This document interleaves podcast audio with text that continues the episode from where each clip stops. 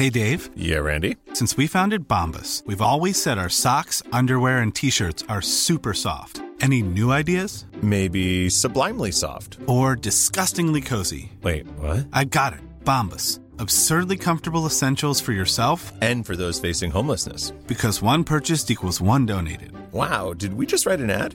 Yes. Bombas. Big comfort for everyone. Go to bombas.com slash ACAST and use code ACAST for 20% off your first purchase. Introducing Wondersuite from Bluehost.com.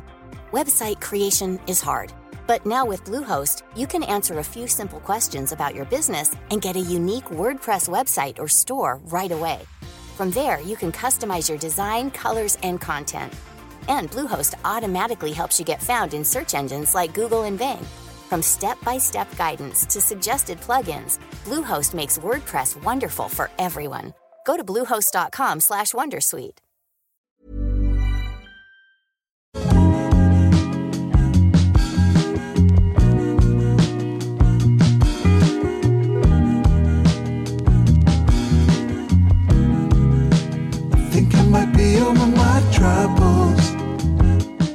Du nämnde ju det i förra veckan Andreas att du eh, hade göttat dig i London. Ja, det var härligt.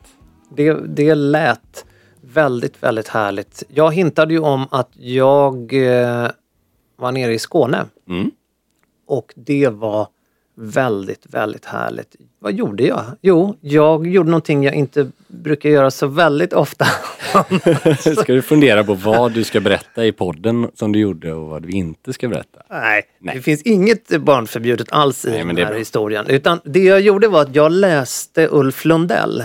Innehållet kan ju vara barnförbjudet i Ja, de kan, böckerna. det kan det verkligen Men vara. eh, väldigt härlig läsning ändå. Ja, han har ju en bokserie som nu är uppe i släpp nummer sju. Den heter Vardagar. Det är alltså Mm. hans eh, dagbok kan man säga. Precis, och där eh, min kära vän kollega Per Nilsson har medverkat i tidigare upplagor, eller hur? Ja, det blev ju så väldigt eh, liksom ofrivilligt så nämnde han mig i, kan det varit, jag vet inte vilken, vilket släpp det var, det kan ha varit nummer tre eller fyra kanske. Mm. Så gick han ju bananas på en bok som jag har släppt Ja, och eh, han blev ju vansinnig över att han hittade den här boken i sin bokhylla. I utgåva nummer sju då som eh, av eh, hans vardagar som jag läser nu, då är han ursinnig på en fågelart. men han är ursinnig fortfarande. Han kan- är vansinnig. Ja, vad skönt att veta att allt är som det brukar. Han är ju, och det är verkligen behållningen av uh, Ulf Lundells vardagar, att han är surgubben 2.0. Ja, Och det är så jäkla roligt för han är ju medveten om det själv också. ja verkligen. Och eh, precis som du var inne på så, så för att backa bandet lite liksom, så fräscha upp minnet över hur sur han är så tänkte jag bara och, och det här är ju givetvis lite för mitt eget Ja, men det- egos skull också. Så då nämner han då i den tidigare boken Flippade ut en bok i arbetsrummet igår. En tjock liten svart sak. Manualen. 365 stiltips för män. Per Nilsson-manualen alltså. Stiltips 114. Skjortan till dina chinos får gärna vara av button down typ och randig eller rutig med röda, vita eller ljusblå toner. Håll byxorna uppe med ett flätat bälte i brunt skinn eller mocka alternativt ett klubbrandigt tygbälte med metallöglor." Slutcitat. Jag undrar vad Per Nilsson kavar sina chinos idag. Tips 114 måste vara ett av världshistoriens sämsta tips. Kan en man se jävligare ut än i det där? Boken är från 2009 och den gargantuanska börskraschen inträffade ju 2008. Borde inte denna kinoman, han verkar då syfta på mig. Eh, Nej, han verkar alltså syfta på Personen personen som jag illustrerar vid det här laget var utrotad. Chinos är ju skitsnyggt. Här vänder han Ja, ja, ja. sitt resonemang. Om man är tillräckligt lång och smal, faktiskt lika ultimat bralla som jeans. Så här börjar hela hans resonemang och liksom tala emot sig själv. Men fy fan för button down och smårutiga skjortor och flätade bälten. Eller av tyg eller av mocka. Kolossalt avtändande. Den här boken är så dum! och smaklös så att jag måste spara den. Annars är det ju, annars är ju reflektionen, vad fan gör den här boken i mitt hem? Ska jag ta på mig skulden? Frågetecken. Antar att jag får göra det. Så här skrev han alltså då i en tidigare utgåva. Ja, är, jag ty- vi har ju nämnt den här eh, när topplocket går över din bok någon gång tidigare. Men jag hade glömt den här... Hur arg han Ja, är. dels hur arg han är, men också beskrivningen av det du gör där. Vi ska komma ihåg att det är 2009, Mm. men det där låter ju som en gammal Ralph Lauren-annons. Ja exakt! Och Det beror på hur man, hur man stylar det här såklart och hur passformen är. Men plaggen i sig är ju superklassiska. Det hade inte varit något konstigt om jag hade känt att jag inte kunde stå för det för att det gällde då. Men jag tycker att det här, det är inte konstigt. Det som, själva poängen i det här är att han blir så förbannad över någonting som han sen tycker låter snyggt. Jag tror att han bara är, han har sovit dåligt som han gör, Ja. verkar göra väldigt, väldigt ofta. När han inte får pippa, för det, nu går Ja, vi ju in lite på det barnförbjudna, men han nämner ju i, då i nummer sju att han, han har sovit väldigt gott på grund av älskog, som Ja, då säger. just det. Eller så är det det att han vaknar och idkar älskog. Nåväl. Varför, varför läser jag då det, det här igen? Jo, för att det är alltid extra effektfullt att läsa Ulf Lundells vardagar när man är på Österlen i närheten av där han bor. Just det. Där allting då utspelar sig. Och jag upptäckte nu i vardagar nummer sju att han har ju en och annan klockhistoria. Ah, vad kul! Du, jag vet ju att du, när du inte är i London Andreas, så... Eller i centrala Stockholm. Ja, men så är du ju även i Vikings Hill. Ja, precis. Lite familjekontakt där. Och där bodde ju Ulf Lundell. Nej. Oj, Så att eh, kul. han skriver bland annat att han borde stannat i Vikings Hill. Det tycker jag med. Fast då hade han blivit sur tror jag på mig när jag gick ut med Bamse. Jag hade säkert hittat någonting att förarga honom med. Ja, eller så kunde det funnits de här fåglarna han inte gillar. Råkorna som han... Råkorna är nya hatobjektet ja. På samma sida där han eh, konstaterar att han borde ha stannat med sin familj i Vikings Hill. Mm. Så konstaterar han att han under den här perioden hade en Miro. Han, han tjänade ju enormt mycket pengar Mm. under åren under 70 och 80-talet. Nu citerar jag ur den här boken då. En Miro hade vi i alla fall. Och sen köpte jag mig en Rolex. Stål, blå boett. Här tror jag att han menar blå urtavla. Det tror jag med. Men jag tror att han skulle Alltså han skulle ju eh, skriva en ny bok Mm. för att döda mig om jag skulle skicka ett brev till honom om att han inte kan skilja på boett och urtavla. Och det här triggar ju mig nu att Ja, göra självklart. exakt Det borde du göra. Alltså, för någonting som man ändå kan vara säker på är att Rolex har aldrig gjort blåa boetter i alla fall. Det vet vi. Men alltså nu, nu är det nu är det så här att jag kommer att göra det här. Jag kommer Mm. att skicka, för vi har ju, det här låter ju väldigt, väldigt snobbigt, men vi har ju samma förläggare. Det var så jag blev varse det här första gången han skrev mig. Nu kommer jag göra så att jag kommer skriva ett brev till min förläggare som ska vidarebefordras Ja, det till här är honom. underbart. Vilken, det här måste vi få en uppföljning på i framtiden i podden om vi får svar. Och eh, rörande då att Ulf Lundell, det verkar så att du inte kan skillnaden på Boett och urtavla. Men men, han betalade då 5000 kronor för den här Rolexen som eh, hade blå urtavla. gissar man, han säger att den är i stål, eller hur? Stål med blå boett, alltså stål med blå urtavla förmodligen. Exakt. Då gissar jag att det är en Rolex Datejust. Förmodligen. Det, det, det där kan du bättre. Ja, jag skulle, alltså om han är riktigt snurrig så kanske han syftar till en Rolex GMT som har rödblå krans. Men jag tror att han menar blå urtavla och då, mig veteligen, de enda stålklockorna som fanns då, det är förmodligen en Datejust eller en Date. Så jag skulle säga Datejust med blå urtavla i stål. Det är är, ju en snygg klocka för övrigt. Det är mycket tal och tankespråk i den här boken. Men jag citerar här. Det här måste ha varit 77-78 för på plattan Ripp Rapp som kom 79 fanns låten Öppningsspåret på fri fot. Där har jag tydligen avslöjat mina trånanden efter medelklassiga symboler. För där kastas Rolexen 5000 spänn åt helvete med hela sjuka löjliga statusjakten. Jag fattar inte riktigt årtalen där. Åkte vi på turné både 79 och 80? För 80 var vi i Surrey, England och spelade in. Bla bla bla. Men nu var det, Ja. la jag till bla bla bla. Hur som, jag tog in det där i showen, antagligen 79 eller 80. Han kastar alltså Rolexen under sina spelningar. Alltid uppåt och lite bakåt. Och det här tycker jag är intressant. Han kastar alltså under de här åren sin Rolex som han har Oj. köpt för sina pengar. Alltid uppåt och lite bakåt. Sen fick hans kollegor hålla ögonen på var den landade. För att sen skulle den ju då användas i eh, spelningarna, efterföljande spelningar. Den där klockan gick ju då sönder såklart. Till slut ja. Alltså det är ju en robust klocka oavsett men den är ju inte gjord för att kastas flera meter upp snett bakom sig ner på ett Precis. scengolv. Sen skulle han då med den där klockan nattbada i Tylösand. Och vad händer då? Jo, nästa dag citat död Rolex. Då har det då kommit in vatten i den här klockan.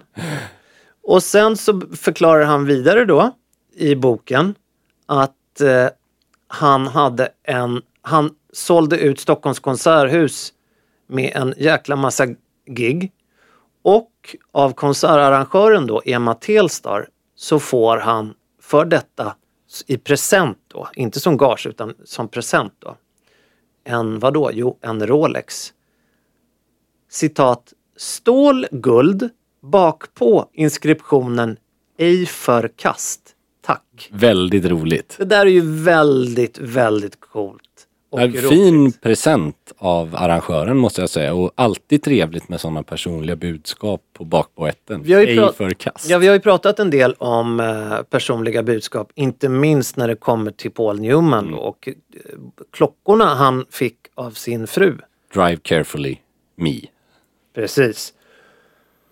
Och vad hände då med den här klockan? Ja, man tänker, har han inga klockor kvar från tidigt 80-tal? Han åkte till Teneriffa med den här klockan och då bar han den. Den var ju vattentät förstås. Han hoppade i poolen med den men den var inte så vattentät. Citat, kanske var kronan inte tillräckligt hårt iskruvad. Citat, imma på glaset. Han gick ner till en rätt flådigt shoppingcentrum men eh, den gick inte att... Jo, den här den gick att rädda och han, eh, han, han tappade bort den hemma. Okej, så inte ens eh, havet tog den utan hans egen... Han hittade den hemma i, eh, på Österlen i en byrålåda och citat, här säger han då till sin flickvän, vill du ha den? Säger han till henne. Mm. En Rolex ska absolut inte ligga still. Den måste få armrörelser. Svänghjulet måste svänga. Så nu har en, då flickvännen, lämnat in den på Nymans Kan, ur kan vi diskutera, eh, vi jobbar ju bägge med klockor och skriver. Har du någon gång hört uttrycket svänghjul Nej, och som det en här- teknisk benämning? I, i, för, I exakt det här ögonblicket inte rotorn så utan kommer, ju det, så svänghjulet. kommer det bli den andra punkten som jag skickar för vidare befordran. Det är så bra att det inte bara är en punkt utan det, jag har lite feedback här till dig. Hej, jag heter Per Nilsson. Jag finns i din bokhylla. Ja.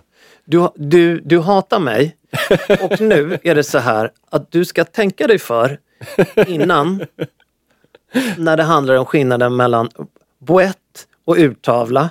Och sen en sak till. Kan du förklara för mig vad ett svänghjul är? Ja. Är det Gröna Lund du syftar på? Är det Liseberg? Eller är det någon annan nöjespark? Ja, jag tror han syftar till rotorn. Och jag menar, alltså det är ju inte konstigt att man inte vet, men om man nu vill liksom skriva ner de här raderna som man ändå har valt, då kan man ju faktiskt kolla vad det heter. För det är ingen som hade tyckt det var konstigt om han inte nämnde det. Vad det var som, och det här är ju också fullkomligt skitsnack om jag ska vara helt ärlig. Ja, det, det är ju bara väldigt kul. Och han är ju så emot det här med liksom kapitalism och allt. Mm. Ja, ja, ja. Ändå så är han så svag för de här sakerna. Ja, Och men så- man gillar ju honom. Så skriver han också, funktion är vad jag är ute efter. En Tissot duger bra. Helst av titan. Lätt ska den vara. Jag var ju tvungen att googla och givetvis har Tissot en, ti- en eh, titanklocka. Ja, vad kul. Då Så har han ju fråga- sin nästa Frågan klocka. är om jag ska lägga ut och ge honom en Tissot i titan, Det hade ju varit höjden av... skicka med det här feedbackbrevet. Här har du din nya klocka. Här har du. Om du lever när du får det här brevet så ska du vara glad och tacksam. Den saknar tyvärr svänghjul. Den smakar s- Men här har du två stödhjul om du vill. Det hade varit kul. Här har du en pump till rullatorn också. Nej, jag har ingen anledning att vara elak. Jag älskar ju Ulf Lundell Ja, jag gör det också. Plan, men det är ju väldigt roligt. Han, han är ju inte den som backar för att ha åsikter och då kan jag tycka att man bjuder in till åsikter på de här böckerna också. Och ska ju tilläggas en möjligen 25 gång. Det är ju otroligt smickrande att ha varit Ja, omnämnd av. ja verkligen. Men det är också väldigt kul att han då har fuckat upp två av sina Rolexar. Och Ja, det är också kanske den svåraste typen av klocka att fucka upp. Alltså man behöver ju verkligen inte vara jätteförsiktig med, alltså två saker. Skruva in kronan innan du badar och försök att inte kasta den tre meter upp i luften ner på ett scengolv. Upprepade tillfällen.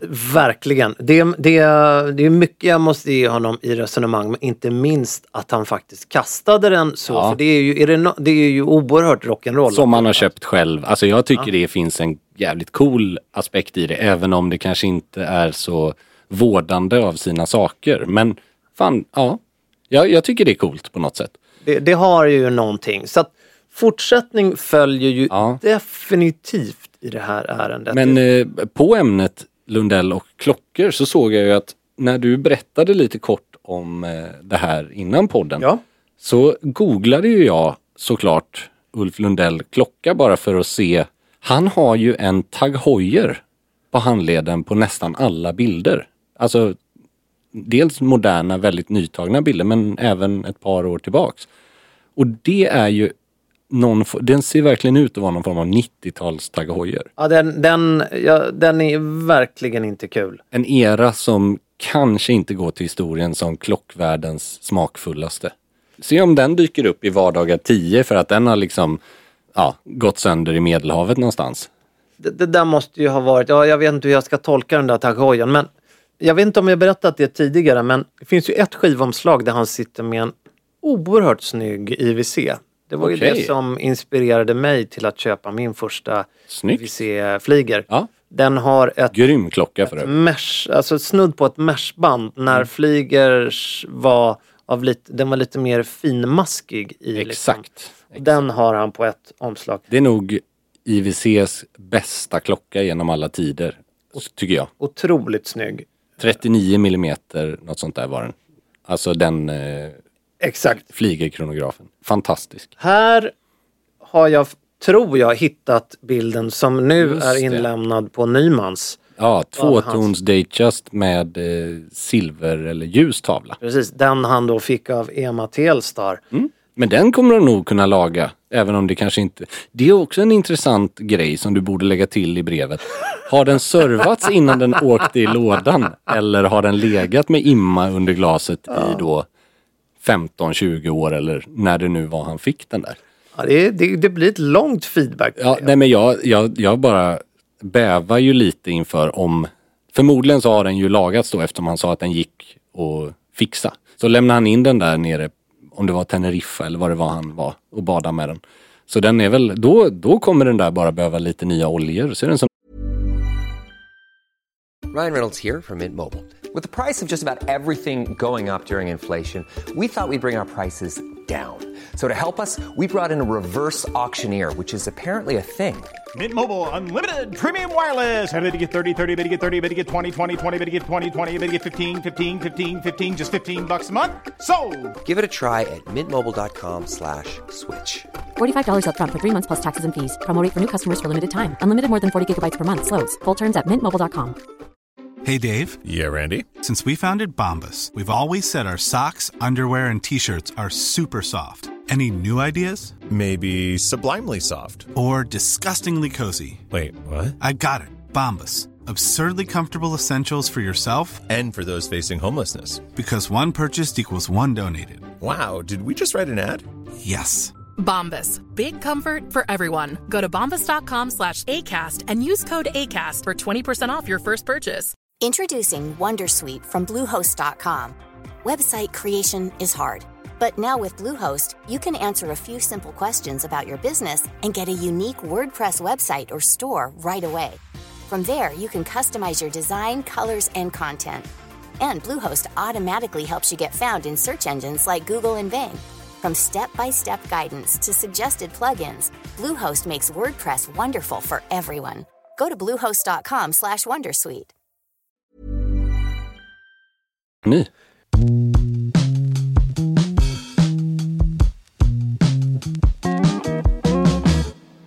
Den där klockan befinner sig nog på, på flickvännens handled om, om allt har gått väl då. Och det har du ju säkert. Och vi får väl ändå säga att det är en väldigt fin present att ge. Ja! Alltså det, är en väldigt, det finns ju mycket provenans i den där. Men det, och det är också så roligt för han verkar ju ha ungefär samma relation till sina barn som Ingmar Bergman hade. Att, Jag trodde du skulle säga som man har till sina klockor. Nej, men att det är någonting man liksom skjuter Ja. ur sig och sen så finns de någonstans. Ja, ja, liksom. Och det, Absolut. det här talar jag bara nu av, av hur jag upplever situationen. Och vad man har läst intervjuer mellan Exakt så. bägge parter. Och så. Exakt så. Det Han- lägger vi ingen annan Nej. värdering i. Men det är också så intressant då att han har en Rolex. Mm. Nej, som han hittar. Mm. Ger han den till något av sina barn? Nej, Nej, den får flickvännen. den får flickvännen. Det Men det är Ulf Lundell. Ja, absolut. Och om jag nu, eller eh, så, har, har förstått något fel Mm. om barnen, om Ulf eller om klockan. Ulf, du är välkommen hit och dementera. Absolut. Det, det är ju faktiskt så. När jag eh, i övrigt då på Österlen när jag Mm. var där. Du nämnde ju att du åt så gott i London. Ja. Jag, när du satt där och snaskade på medlemsklubb Mm. så klädde jag ner mig och gick på Daniel Berlins Ah, okej. nyöppnade, fan, det var ju inte medvetet att klä ner mig men det här ligger ju mitt ute på en åker. Vad jag menade med Det det, är inte var... samma dresscode. Exakt så, exakt så. Och gick på hans nya fantastiska restaurang som heter Vyn. Mm. Ligger mellan Skillinge och eh, Mm. Eh, En, en kontrast såklart mot Londons medlemsklubbar. Men en härlig kontrast. Ja, fantastiskt. Kan man. Och, eh, är man det minsta intresserad av mat och dryck och har vägarna förbi eller verkligen vill göra sig en omväg så ska man testa det här. I höst öppnar en mer fine dining lika delen eh, som nu var det mer en vinbarsdel. Men Men definitivt. du kan rekommendera den? Vinbarsdelen som nu öppnade precis i, av en slump bara när jag var där var makalös. Fasen vad kul. Och jag hade inte varit på hans tidigare restaurang som låg i Skåne Tranås. Jag är ju väldigt dåligt bevandrad i de här trakterna i Sverige. Så det är, tror jag, jag tycker det är ett väldigt bra tips till de lyssnarna som spenderar kanske lite semester. Att eh, ta och kolla upp det. Och är man inte in, det minsta intresserad av mat och dryck så åker man ner dit ändå och njuter av lugnet Exakt. och utsikten över eh, Sverige och Bornholm som ligger precis utanför fönstret där. Det kan varmt rekommenderas. Vi pratade ju lite Wimbledon i Mm. Exakt. förra avsnittet också och jag eh, styrde ju sen upp eh, elbilen till Båstad där det faktiskt var Swedish Open. Ja, just det. Och eh, intressant var det. Det finns ju en del paralleller mellan England, alltså om vi tittar då på medlemsklubbar i London och Stockholm jämfört med tennis, I Båstad. England och Sverige. Det var inte riktigt lika elegant. Nej, men det är, om man ska vara ärlig så är det ju bara Wimbledon som har lyckats bibehålla den. Det är ju inte bara Båstad som har en lite mer slafsig klädstil. Det gäller ju nästan alla stora tennistävlingar. Roland Garros kan ju vara ganska elegant i och för sig i Paris. Va? Ja, och där vet jag inte vad det är för...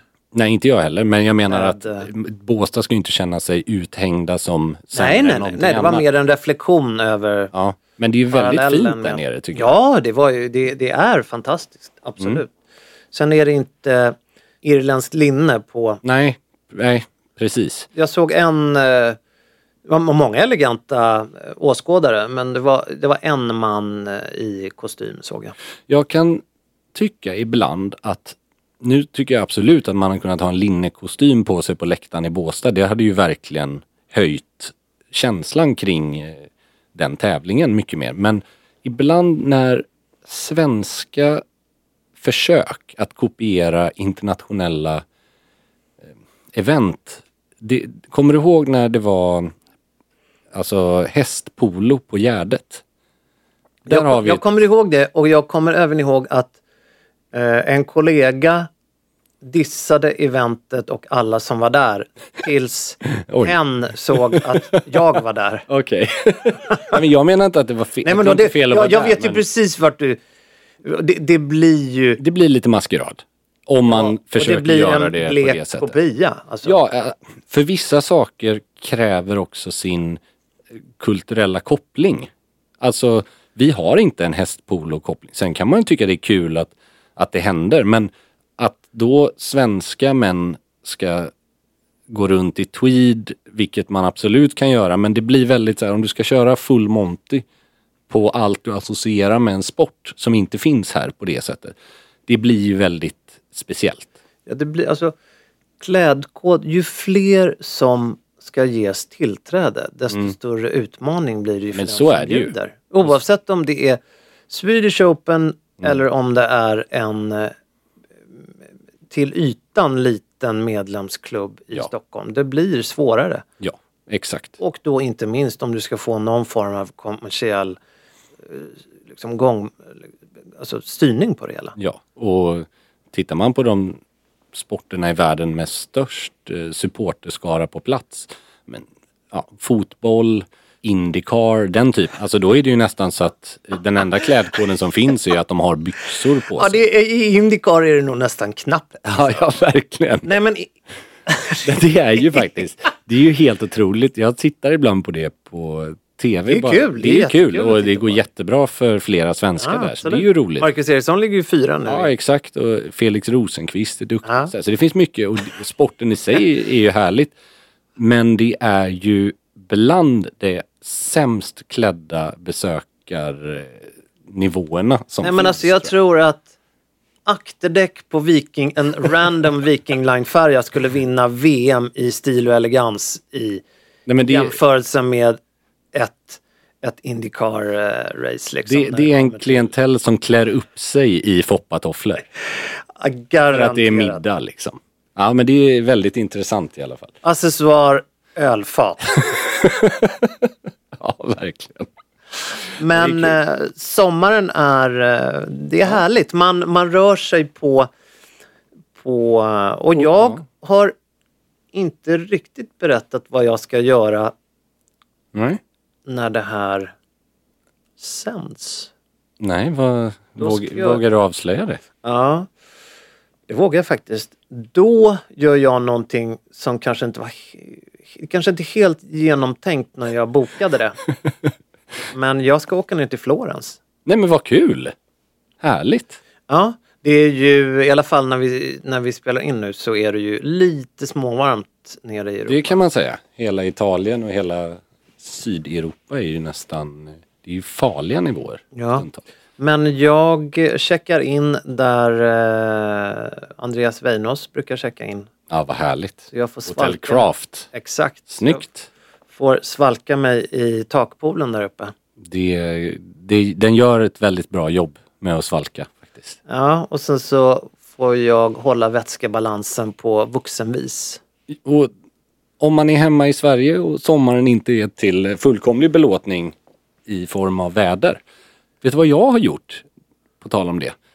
Jag har ju börjat kolla på Bond igen. Åh! Jag gör ju det vartannat, vart tredje år. Så försöker jag se ett gäng filmer. Och det är inte bara som slötittarna utan det är faktiskt lite research till vår podd Det är också. väldigt mysigt att se Bond. Ja, eller hur? Och nu har vi ju inte haft någon Bondfilm. Alltså, vi glömmer ju att No time to die, den senaste spelades ju in 2019.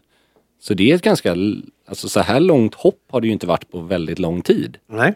i Bondhistorien. Men det är inte det jag skulle komma till utan det är att jag har ju sett gäng av Roger Moores filmer nu. Oj, vad härligt. Oj, Ja. vad avundsjuk jag Och blir. det är för många då så är ju Roger Moore den kanske mest typiska Bond. Du har Sean Connery fanatikerna för att det är liksom originalet, det första, det är väldigt 60-tal och, och det, jag förstår det.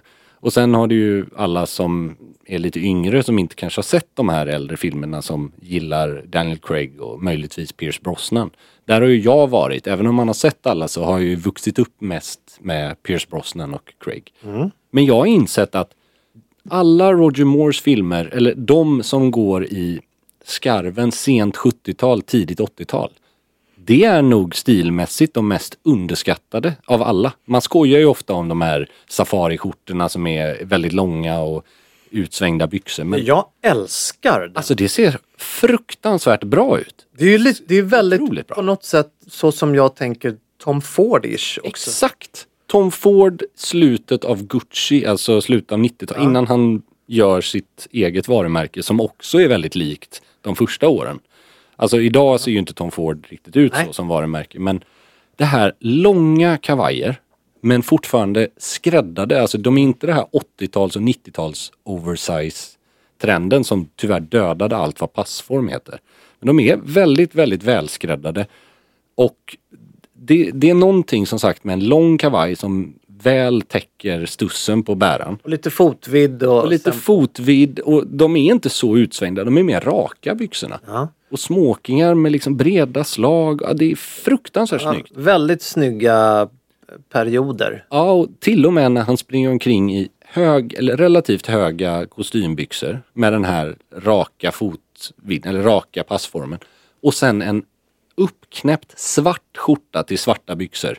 Rejält uppknäppt med ganska stor krage. Kommer du ihåg vilken film det här kan ha varit om man vill se? Eh, ja, det här, just den här är från Moonraker som är kanske den sämsta Bondfilmen som någonsin har gjorts rent handlingsmässigt. Den är ju, alltså, att den görs inte så långt ifrån när Star Wars är producerad. Och det ser ju ut som ett, en tredjeklassare har gjort de rymdscenerna i jämförelse. Tyvärr. Men man behöver inte hänga upp sig så mycket på kvaliteten på manus och produktion. Men stilmässigt, han har otroligt snygg silkeskostym när han anlände till Rio. Som är, när man tittar nära, nu är det ganska bra kvalitet på både tv och på, ja, på själva filmerna. Så nu kan man ju se texturen på olika plagg och det är, alltså jag hade velat ha hela den garderoben under For Your Eyes Only, Moonraker, men typ hela vägen upp till eh, A View to Kill med Christopher Walken i Cartiers sådana Vendôme-briller. Och Grace Jones. Grace Jones. Ja, det är så jäkla snyggt alltså. Sen liten twist såklart. Alltså allting, det blir ju lite för mycket stundtals. När allt, det var en stor slipsknut och det är väldigt liksom 70-tal. Men ja, jag gillar det. Ja, Det, det är väldigt, väldigt snygga filmer. Jag är mycket mer inspirerad av att gå klädd som Roger Moore i det skiftet än som Daniel Craig de senaste fyra filmerna. Även, eh, även vintermodet i A View to Kill. Ja. Är ju, eh, det är några alpscener där som är riktigt grymma. Jag tycker också Octopussy är ju, det var den filmen jag började, jag har inte sett dem i ordning nu, jag har bara sett från den eran och alltså de här benvit smokingjacka i Indien ser ju fantastiskt ut. Otroligt snyggt. Sen är det väl lite, jag måste säga att de här, eh, som du säger, alpklädslarna som dyker upp. De är ju mer trendanpassade tycker jag. Absolut, så är det. här, eh, ja, ljus, duvblå skidjacka. Ja.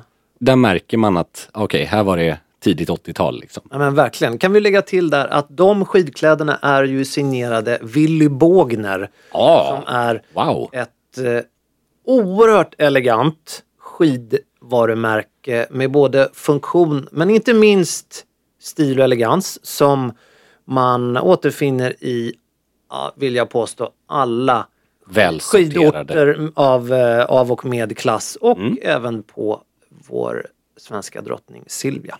Härligt. Som en liten eh, Bondklädes Ja, det är parentes där. Och eh, även skräddaren Douglas Hayward vet jag har sytt. Det är, inte, det är så här, eh, Roger Moore hade flera skräddare under, beroende på film.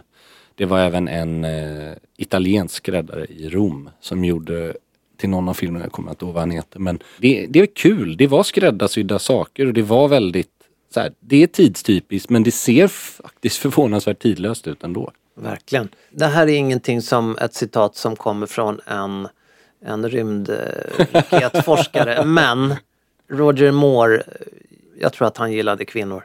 Ja det tror jag med. Det tror jag. Jag tror att kvinnor gillade honom också. Det tror jag. Väldigt mycket. Han unnade sig av livets goda tror jag. Definitivt. Och det tycker jag att ni lyssnare ska göra också. Tills vi hörs nästa gång. Verkligen, för vi är tillbaks om en vecka och då lyssnar ni. Det gör ni. Hej på er! Hej då!